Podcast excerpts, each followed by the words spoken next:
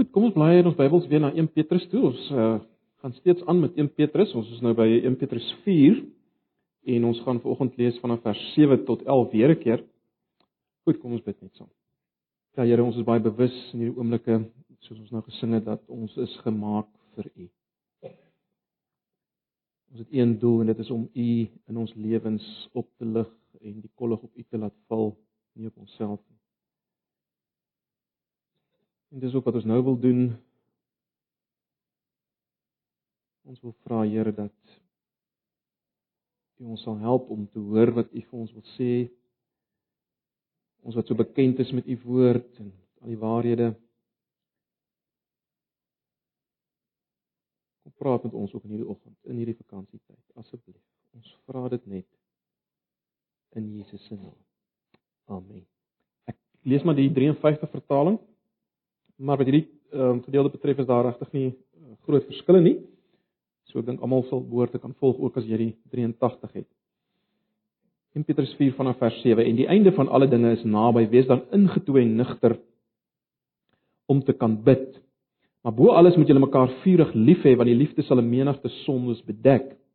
Wees gasvry eens mekaar sonder om te murmureer. Na mate elkeen 'n genadegawe ontvang het, moet julle mekaar daarmee dien soos goeie bedienaars van die volvuldige genade van God. As iemand spreek, laat dit wees soos woorde van God.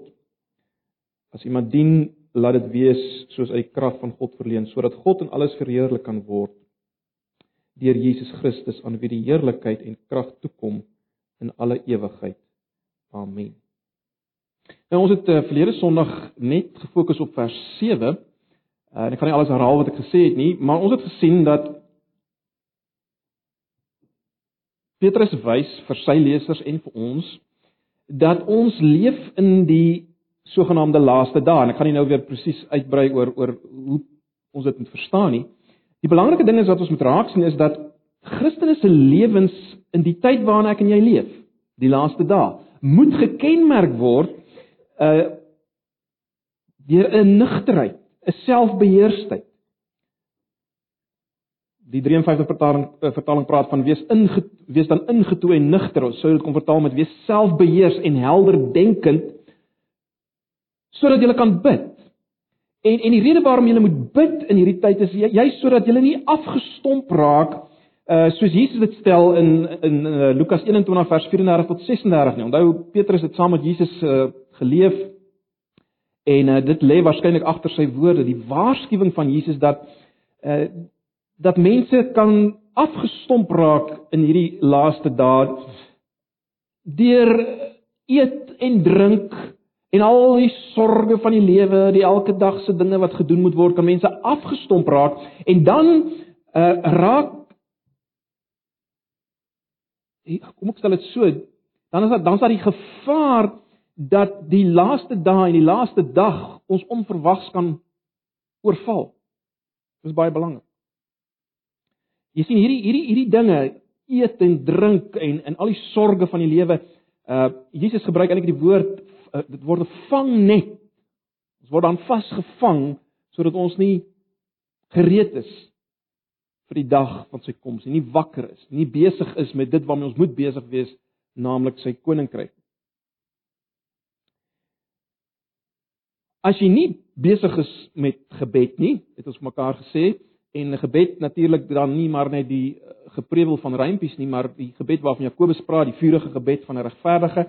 As jy nie besig is daarmee nie, op 'n of ander manier nie, wel eh, dan is daar 'n goeie kans dat jy eintlik al reeds in hierdie vangnet vasgevang is. Jy is alreeds in 'n dodelike gevaarlike posisie. Maar goed, dis waarna ons gekyk het uh, verlede Sondag. Maar dis nie al waarmee gelowiges moet besig wees in die sogenaamde eindtyd nie, die tyd waarin ons onsself bevind nie. Daar's nog 'n duidelike opdrag hier in vers 8 tot 11. En ek dink alles wat in vers 8 tot 11 op uh, of uh, alles wat in vers 8 tot 11 uh, opgeteken is, kan eintlik saamgevat word in een woord, naamlik liefde. Julle moet mekaar vurig lief hê. Alles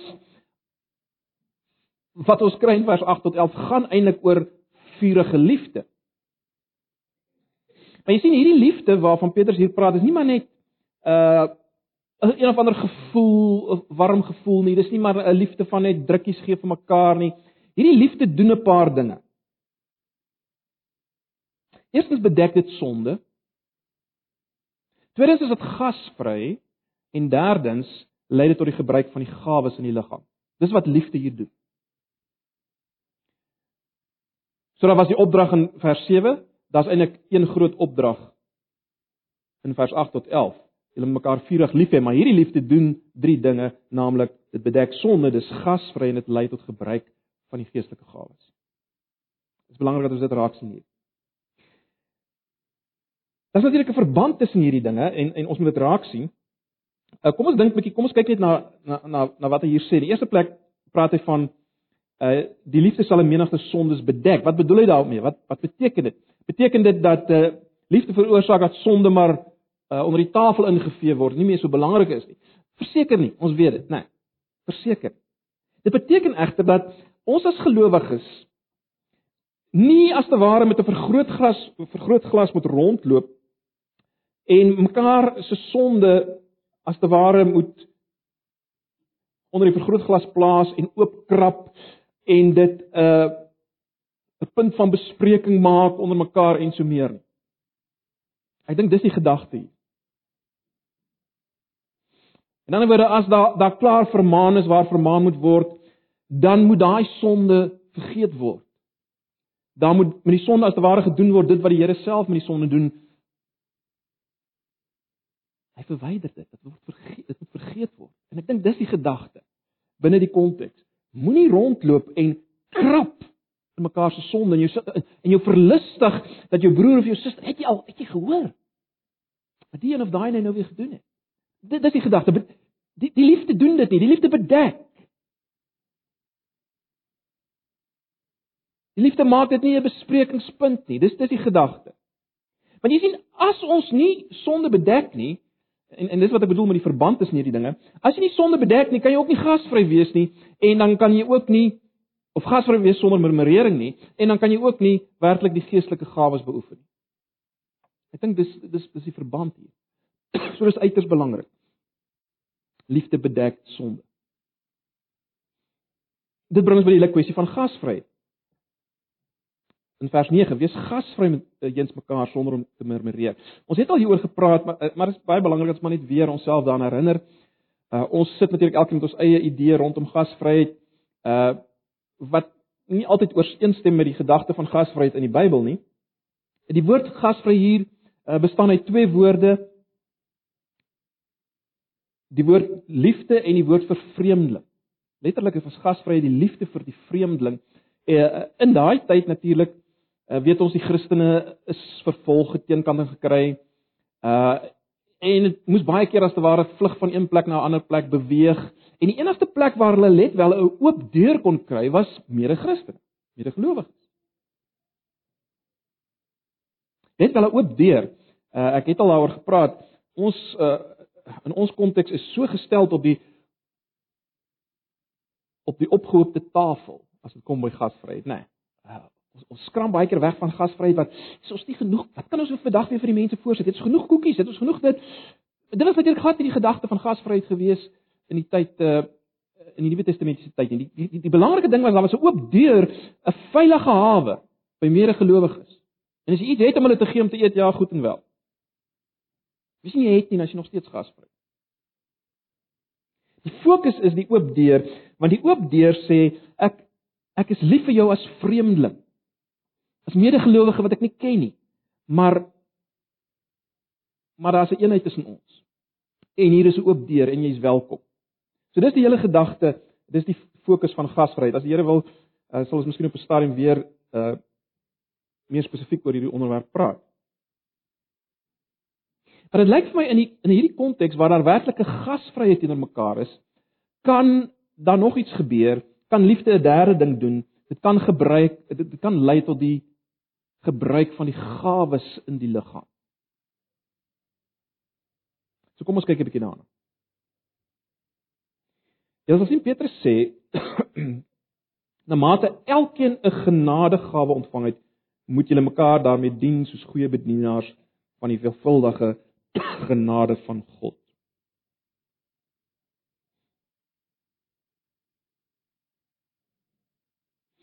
Nou die woord wat Petrus hier gebruik vir genadegawes is natuurlik die woord charisma.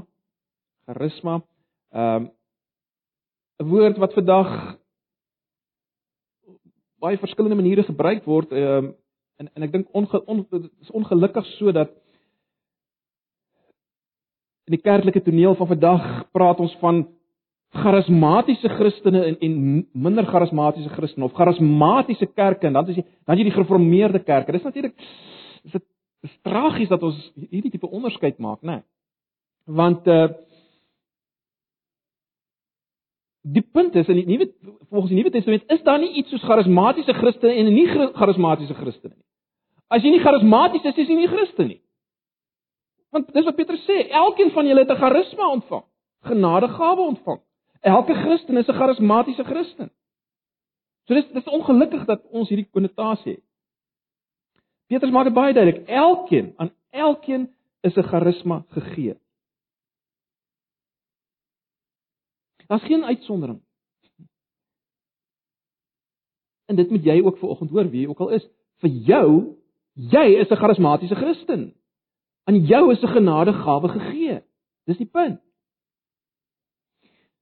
So die Christen wat as te ware wil onttrek van betrokkeheid by 'n gemeente want hy hy of sy sê man ek weet jy ek het nie eintlik ek het nie eintlik 'n gawe nie man jy weet ek, ja ek kan ek kan nie 'n instrument bespeel ek kan nie eintlik sing nie kan nie eintlik praat nie ek, ek het nie eintlik 'n gawe nie jy lieg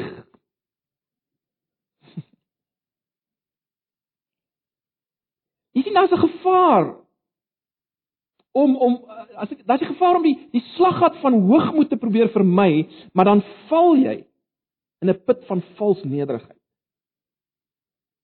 Valse nederigheid. Ah, ek kan nie Dis vals nederigheid en is en is eintlik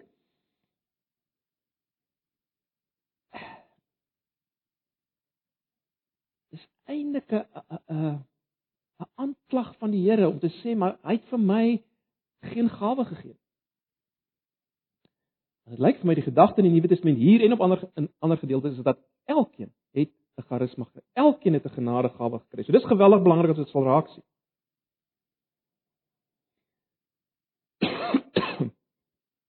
maar kom ons dink 'n bietjie meer oor hierdie oor die gawes en dit wat Petrus hier sê. Jy sal sien dat Petrus sê Na mate elkeen 'n genadegawe ontvang het, moet hulle mekaar daarmee dien soos goeie bedienaars van die veelvuldige genade van God. Die woord gebruik die woord bedienaar. Nou die woord bedienaar is die woord oikonomo, uh, is weer eens uh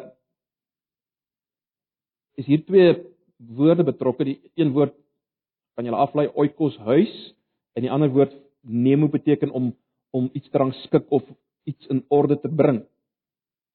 So 'n bedienaar is 'n bestuurder van 'n huis of eiendom. In ons konteks sou ons sê dit is iemand wat in beheer is van 'n landgoed of iemand wat in beheer is van 'n plaas of iemand anders se eiendom in afwesigheid van die eienaar. Amper soos 'n voorman, bestuurder. Die eienaar is nie hier nie en hierdie ou moet nou die eienaar se fondse bestuur en sy werkers en so mee. Dis die gedagte. Julle is bedienaars van die veelvuldige genade van God. As mens mooi kyk na wat wat Petrus hier sê, dan lyk dit vir my die beeld wat Petrus wil hê ons moet in gedagte hou is die beeld van 'n huis. 'n Huis met verskillende begaafde bedienaars Jy sou self kom praat van rentmeesters, bedienaars, voormanne, net soos jy dit wil noem. So die, die, die gedagte is die van 'n huis met verskillende begaafde bedienaars aan wie eienaar sy fondse gegee het om dit te administreer. Dis die beeld wat hy wil hê. Wat is die huis? Die huis is die kerk. Nie die fisiese gebou nie, die liggaam van Christus, nee, die gelowiges saam. Dis die huis. Die bedienaars is almal wat deel is van die kerk. En daarom dis ons wat vanoggend hier sit. Dis die bedienaars. Die verskillende begaafdhede, het ons sal dalk het gesê Dis 'n huis met verskillende begaafde bedienaars. Die verskillende begaafdhede is die verskillende gawes wat elkeen het. Die fondse wat bestuur moet word is God se genade. En die administreer die administrering of die hantering van hierdie uh van hierdie fondse is die uitoefening van die gawes. Kom ek sê dit weer. Die huis is die kerk. Die bedienaars is die lidmate van die kerk, die die van ons wat hier sit. Die verskillende begaafdhede is die verskillende gawes. Die fondse is God se genade en die hantering daarvan is die uitoefening van ons gawes. Die administrasie daarvan of die uitvoering daarvan uh of die uitoefening daarvan is ons gawes. Dit is geweldig as ons hier aan dink. Ek, ek dink die treffendste van hierdie vergelyking is die is die is die gedagte van die bedienaars en die fondse van God se genade. 'n Geweldige gedagte. Jy sien genade, om dit so te stel, is die geldeenheid as jy wil in die huishouding van God. En ons is geroep om bedienaars te wees van hierdie geldeenheid, genade. Ons almal wat hier sit, as jy as jy 'n kind van die Here is vanoggend, is jy 'n ontvanger van genade. Jy het op 'n stadium genade ontvang, jy ontvang elke dag genade en dit is jou plig en my plig om hierdie genade weer te versprei na ander. Maar hoe versprei ons dit na ander? Wat is die voertuig? Wat is die middel waar waar waarmee ons genade versprei na na die ander? Wel dis ons gawe. Dis ons geestelike gawe, ons charismata. Dis baie belangrik. Kom ek probeer dit bietjie anders te stel. Ek dink my sou kon sê dat wat die eienaar God wil sien in al sy bestuurders is geloof. En genade is die enigste geldeenheid wat geloof kan koop om om die beeld te gebruik. Kom ek stel dit so, geloof voed op genade. Geloof word versterk deur genade. God gee sy genade vir ons in Christus. Ons het al so baie gepraat oor dit wat God vir ons gedoen het in Christus. Is absolute genade, onverdienste guns aan die wat die teenoorgestelde verdien. Dis genade. En al sy beloftes in Christus Jesus, al daai beloftes is genade. En ons reaksie daarop is geloof. Jy vat dit deur geloof. Wat my net beteken jy jy omhels dit met leë hande. Jy kan niks gee in ruil daarvoor en jy jy ontvang dit nie. Dis geloof. Dis ons ontvang. Maar jy sien op ons dis wat ons ontvang het deur geloof. Op ons beurt in die uitoefening van ons geestelike gawes versprei ons nou weer hierdie genade. En deurdat ons hierdie genade versprei, met ander woorde, deurdat ons aan ander vertel en dit demonstreer dit wat God in Jesus gedoen het en al die beloftes. As ons dit doen, kan mens amper sê dat ons Ons voed hulle geloof. Jy sien die twee goed gaan saam. Genade kan net ontvang word deur geloof. Genade kan nie ontvang word deur deur een of ander werk nie. Die twee gaan nie saam nie. Genade kan net ontvang word deur geloof. Soos ons genade versprei, as ons die genade versprei deur ons geestelike gawes, dan help ons die ander om geloof uit julle sien hoe hoe gaan die twee goed saam?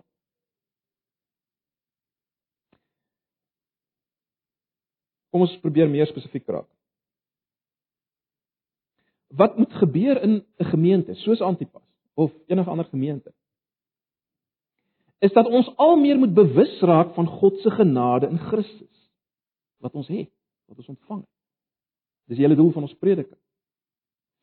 So aan die een kant moet ons al meer bewus word van God se genade in Christus en dan moet ons al meer en meer maniere vind om hierdie genade as te ware kreatief te versprei na mekaar en na buite deur die gebruik van ons gawes. Dis die, ek dink dis die groot punt hier. Ek gaan amper sê die Heilige Gees moet begin handel dryf in genade in ons midde. Dis wat moet gebeur. Maar wat is 'n gawe? Kom ons dink 'n bietjie daaroor. is hierdie gawes? Ek gaan dit so probeer definieer. Ek dink 'n ga, die, die gawes waarvan hier hier gepraat word, is enige vorm van besondere toerusting deur die Heilige Gees wat ons geloof tot eh, uitdrukking bring, om dit so te stel. Is enige vorm van besondere toerusting deur die Heilige Gees wat ons geloof tot uitdrukking bring en wat God gebruik om sy genade na ander te versprei sodat die gemeente opgebou kan word. Dis 'n gaaf. Sal ek dit weer sê? Dis enige vorm van besondere toerusting deur die Heilige Gees wat ons geloof tot uitdrukking bring en wat God gebruik om sy genade onder ons te versprei sodat sy gemeente opgebou kan word. Dis dis dis wat die gawes is. Petrus baie duidelik, ehm uh, wys dat genade versprei kan word deur gawes wat woord georiënteer is en gawes wat daad georiënteer is. Beide is uh betrokke hier. Gawes wat woord georiënteer is en gawes wat daad georiënteer is. Maar daar's basies twee twee kategorieë, maar natuurlik 'n uh, onbeperkte verskeidenheid binne hierdie twee kategorieë. Maar dis die twee groot kategorieë. Dis al sien uh hy sê in vers 11 as iemand spreek, laat dit wees soos woorde van God. Daar's die woord georiënteerde gawes. So as jou gawe onder hierdie kategorie val, die punt wat Petrus wil maak is moenie staat maak op jou eie welsprekendheid en jou eie insig nie. Kyk na God. Wees afhanklik van hom om sy woorde as te ware deur jou te gee. Ons gee alleen genade vir luisteraars as hulle die woord van God ontvang. Dis dis die gedagte. Dis ons genade gee. Dit beteken nie noodwendig dat dit altyd presies 'n woord uit die Bybel moet wees nie. Dit dit dit is 'n is 'n goeie beginsel. Uh maar dit kan ook wees 'n woord wat God op ons hart lê, gelei is deur God, maar baie belangrik wat die aandag sal vestig op hom. Op Jesus, die laaste finale woord van God. Want want dit al dit alleen kan mense se geloof versterk. Nie waar nie? Ek sien dit baie baie belangrik. Uh God self, Jesus self is die hoopgewer, nie ons nie. Jy kan nie regtig iemand anders hoop gee nie. Jou gawe is net die middel wat God gebruik om hoop te gee. Die hoop wat as te ware in homself is, né? Dis nie jy wat die hoop gee nie. Dis nie jou gawe wat die hoop gee nie. Dis God wat die hoop gee, maar jou gawe is die is die middel, die instrument wat gebruik word. Ek dink dit is baie belangrik om dit raak te sien. So daar's die daar's die eerste kategorie woordgeoriënteerde gawes. As dit jou gawe is, As jou gawe binne daai veld val, sorg dat God se woord by mense uitkom. Dis baie belangrik. Die tweede kategorie is dien. Gawe van diens of uh daadgeoriënteerde gawes, net soos jy dit wil stel. As iemand dien, vers 11b, as iemand dien, laat dit wees soos uit die krag wat God verleen. Iemand dien, laat dit wees soos uit die krag wat God verleen. So as jou gawe onder hierdie kategorie val van praktiese dade van dien, moenie probeer om dit in jou eie krag te doen nie. Dis die gedagte. Want dan sal jou gawe ophou om 'n geestelike gawe te wees. Dit dit moet uit geloof kom en vertroue op God en op sy genade sodat dit 'n geestelike gawe kan wees. Doen dit in afhanklikheid met 'n bewustheid. Ook in my dien moet God as te ware dit doen deur my. Kan nie staat maak op my op my eie bekwaamheid wat hierdie goed betref. Met 'n totale afhanklikheid van God te doen. Dis die hele gedagte. Laat dit wees soos uit die krag wat God verleen. Doelbewus wees afhanklik van die Here dat sy krag deur jou werk as jy besig is met hierdie praktiese dade van diens. So met ander woorde, genade kan versprei na ander mense deur woordgawes as ons praat met die woorde van God, as dit die woorde van God is. Dit kan versprei word deur daadgawes as dit gedoen word deur die krag van wat God voorsien. Dis wat Petrus hier sê. Dis hoe genade kan versprei. Wat is die doel van alles? Wel vers 11. Die laaste gedeelte. sodat God in alles verheerlik kan word deur Jesus Christus aan wie die heerlikheid en krag toekom tot in alle ewigheid.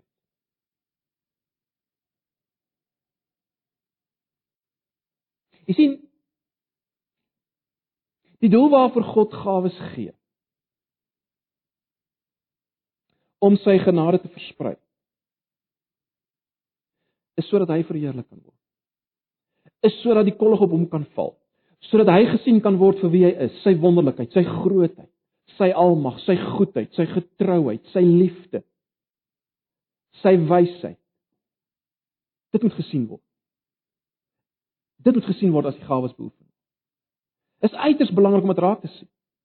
Dis die rede daarvoor, sodat God in alles verheerlik kan word deur Jesus Christus, aan wie die heerlikheid en krag toe kom tot in alle ewigheid. Aan jou kom geen heerlikheid en krag toe nie. Aan my kom geen heerlikheid en krag toe nie. Aan niemand nie. Dit kom aan God toe. Dit kom aan God toe. God en Jesus Christus. En hom kom al die heerlikheid toe. En en dis waarvoor die gawes gegee is. Sodat daar gesien kan word hoe fantasties hy is. hoe fantasties hy is. Hoe ontsaglik liefdevol hy is barmhartigheid, goedheid. Dit moet gesien word. Dis die rede vir die gawes.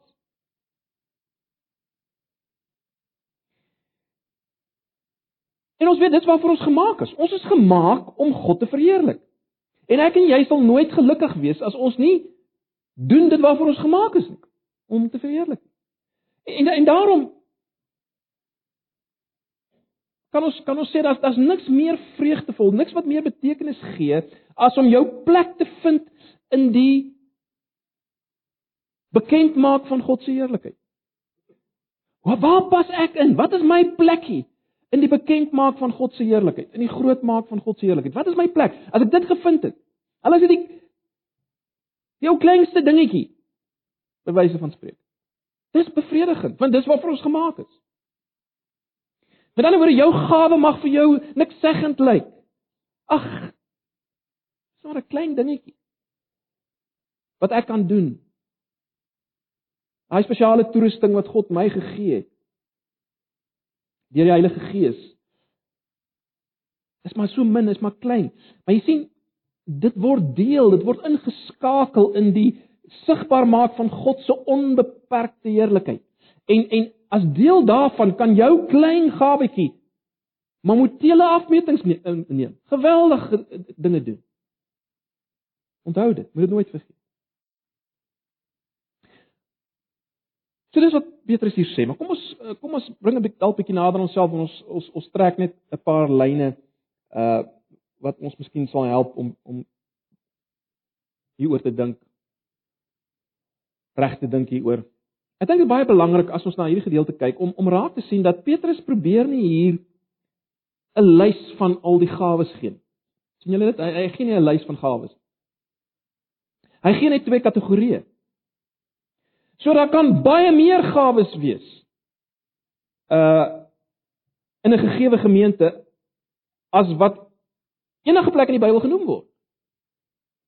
Terloops, nêrens in die Bybel word 'n volledige lys gegee van dis die gawes en daar's niks meer en daar's niks anders dis die gawes. Hoekom sê ek so? Ek, ek gaan vat maar al die sogenaamde gawe lyste in die Bybel, in Korintiërs en Romeine ensovoorts. En sit hulle langs mekaar en vergelyk hulle en jy sal sien die hoeveelheid gawes verskil, die volgorde word selfs verskil selfs. So jy, jy kan ook nie sê hierdie is die belangrike gawes en hierdie is die minder belangrike gawes nie, want die, die volgorde in hierdie lyste verskil. So die, die inhoud van die lyste verskil en die volgorde verskil. Jy sien die punt is God gee gawes volgens die behoefte in 'n gegeewe gemeente, die behoefte om geloof te versterk deur sy genade. En daarom kan twee twee gemeentes, een gemeente kan hier wees en een laer in die straat en hulle kan totaal verskillende gawes hê. Dis die punt. Belangrik om dit te verstaan. So dis die eerste ding. 'n Tweede ding wat belangrik is is dat Ons moet raak sien dat die klem op gawes vandag dikwels sê nie dis oral so nie, maar die klem vandag verskil dikwels hemelsbreed met die klem van die gawes in die Nuwe Testament. Mense soek vandag baie keer gawes juis om selfvervulling te kry. Om as te ware te kan sê wel Ek het hierdie gawe en nou kan ek my eie ding doen. En nou begin ek sommer 'n bediening. Sodat my naam duidelik kan raak. Dit dis dit wat gebeur. Met ander woorde, mense wil 'n gawe ontdek om hulle eie identiteit te bevestig.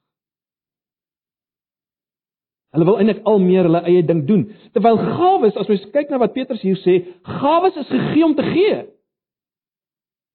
Om die gemeente op te bou, om geloof te versterk. Dis waarvoor gawes gegee is. Gawes is gegee om geloof te versterk, om genade te versprei. Dis al. Dis gegee om genade te versprei. Dis nie gegee sodat jy kan goed voel oor die gawe wat jy het nie. En nou is jy bietjie beter as die ander ou wat nie hierdie gawe het of wat hy gekom. En dit het geweldige implikasies as ons as ons mekaar sê dat dis waarvoor gawes gegee is, dan is die implikasie geweldig, is dit nie? Want dit dit beteken dat ek en jy onsself nie moet moeg maak om my gawe netjies vas te stel en te definieer voordat ek dit kan gebruik nie. Met ander woorde, moenie te veel bekommerd wees of uh, jy nou die gawe van profesie het of lering het of wysheid het of genesing het of wonder wonders of administrasie of barmhartigheid of wat die geval mag wees, sodat jy kan sê, "Ah, dis my gawe." Nou nou het ek hom gedefinieer en ek gaan hom sommer opskryf op 'n kaartjie en op my muur plak, dis my gawe. Dis nie die gedagte nie. Dit lyk vir my die manier om te dink oor die gawes is so. Wat is die rede waarvoor gawes gegee is? Wel, dis om genade te versprei sodat ander se geloof kan versterk word. So hier is 'n persoon in die gemeente wat se geloof aan flarde is, wat geweldig sukkel, wat sukkel om die genade van God te vat en te begryp en te beleef. Geloof sukkel om te glo, geloof te vat. Hier's 'n persoon en die vraag wat ek moet vra is, hoe kan ek hierdie persoon help? Dis die vraag wat ek moet vra. Ek wil sê dis waarvoor dis waarvoor die gawes gegee is. Aha, hier's 'n persoon wat se geloof aan flarre is. Wat kan ek doen om hierdie persoon te help? Hoe kan ek hom of haar help? Doen dan sê of doen dan wat hierdie persoon kan help, die meeste kan help. As daardie persoon gehelp word deur wat jy gedoen of gesê het, dan jy sopas jou gawe ontdek dan jy sopas jou gawe word. Byvoorbeeld, kom ek kom ek bring dit nog nader aan ons lewe. As jy 'n sekere persoon wat sukkel se geloof aan flarde is, wat sukkel met genade, wat die geval mag wees, as jy hierdie persoon waarsku sodat hy of sy in die lig daarvan hom of haarself weer bekeer, dan jy waarskynlik die gawe van vermaaning. As jy daai persoon gewaarsku het van hierdie skrif gewaarsku het en daar 'n ommekeer plaasvind, dan jy waarskynlik die gawe van vermaaning. Ommekeer plaasvind in hierdie persoon om hels weer die Here deur die geloof en so meer. As jy saam met 'n ander persoon loop en vir hom of haar deur wat jy sê oplig dan jy dalk die gawe van empatie as jy vir mense aanal uit die Bybel met hulle praat gedeeltes uitlê en verhelder en dit uh, of of laat ek so sê en en dit verhelder hulle verstaan hulle 'n beter begrip van 'n van 'n waarheid in die Bybel dan jy dan jy dalk die die, die gawe van van lering En so kan ons aangaan. As jy iemand opgelig het en versterk het deur prakties iets te gaan doen vir die persoon, uh hierdie persoon uh, uh, persoon te help met sy of haar finansies.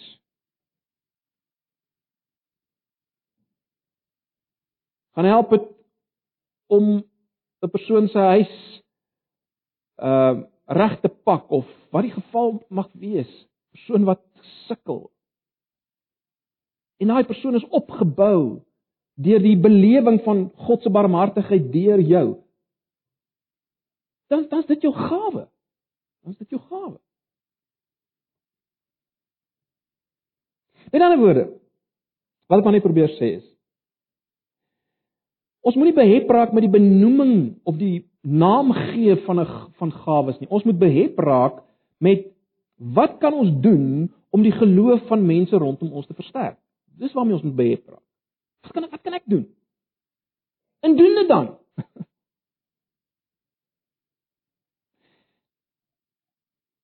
Ek wil waag om te sê die pro probleem dikwels by ons is nie dat ons nie weet wat ons gawe is nie. Ons probleem is dat ons nie graag genoeg ander se geloof wil versterk. Dis ons probleem.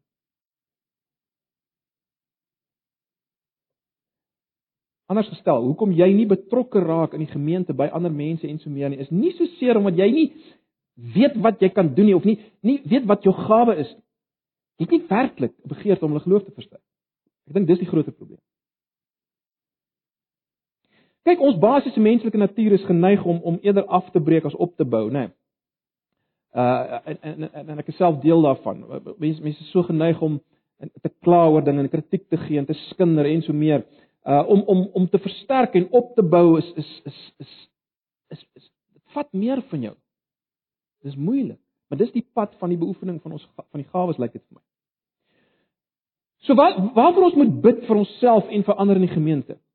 lyk vir my in die lig van hierdie gedeelte is dat ons 'n sekere soort mens word, 'n sekere soort kind van die Here word wat opstaan in die oggend, wat God dank vir sy groot verlossing, vir die groot genade wat ek wat ek ontvang het in Christus Jesus en wat as te ware vir die Here sê, Here, ek wil graag vandag iemand se geloof versterk. Dis wat ek graag wil doen vandag. Uh gee tog dat iemand aan die einde van hierdie dag meer vertroue sal hê in u beloftes, meer vreugde in u sal hê omdat ek sy pad gekruis het dit lyk my dis dis waarvoor ons moet bid. Dis wat ons begeerte moet wees. En as jy hierdie soort persoon raak om dit so te stel. Sal die Heilige Gees nie jou begeertes om dit so te stel laat vermors nie. Hy sal jou help om maniere te vind om om die geloof van ander te versterk. En ek sê weer, dit sal die ontdekking van jou gawes wees en God sal verheerlik word daardeur. Ek meen as jy jou gawe beoefen volgens die riglyn hier in Petrus, nê. Nee, uh deur die krag wat God verleen, deur die woorde van God, sal God verheerlik word as jy jou gawe beoefen en mense word gehelp. God sal verheerlik word. En dan word mense gaan nie sê uh Piet of Jan is so wonderlik nie. Hulle gaan sê die Here is ongelooflik goed vir my. Kyk wat het hy vir my gedoen.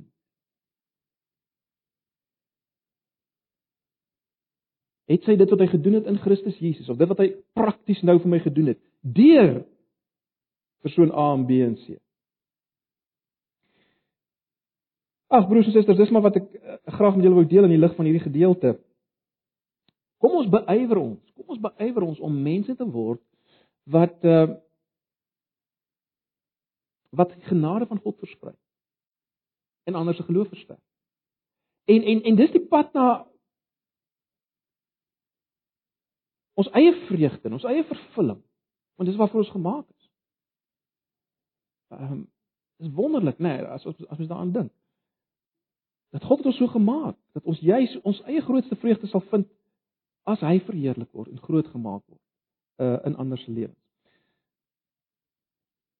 So dis 1 Petrus 4 vers 7 tot 11. Ek dink dis die dis wat wat die Here vir ons wil sê daardeur. Kom ons raak vir 'n paar oomblikke stil Miskien kan jy draai na die persoon langs jou en kom ons die, die gedeelte begin met ehm uh, vers 7 wees ingetonig om te kan bid.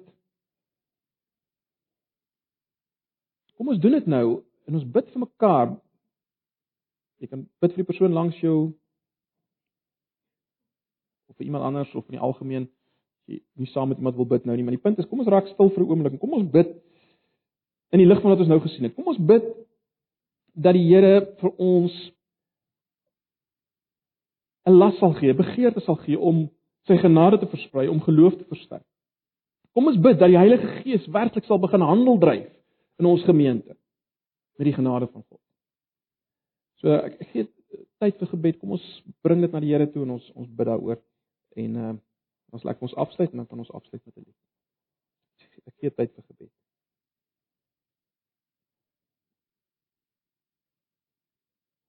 Ag Here, U het elke gebed nou gehoor, elke versigtiging van die hart. U ken ons. U weet dat ons in die tyd waarin ons leef waar alles so gefokus is op diself en selfvervulling dat ons dikwels net besig is met 'n gejaag daarna om ons eie behoeftes te bevredig. Daarom mis ons ook soveel vreugde en vervulling in ons lewens juis omdat ons nie ten doel het om u genade te versprei en mense se geloof rondom ons te versterk sodat u verheerlik kan word. En ons bely dit, Here. Bely dat ons so vasgevang is in ons eie klein wêreltjies, in ons eie probleempies.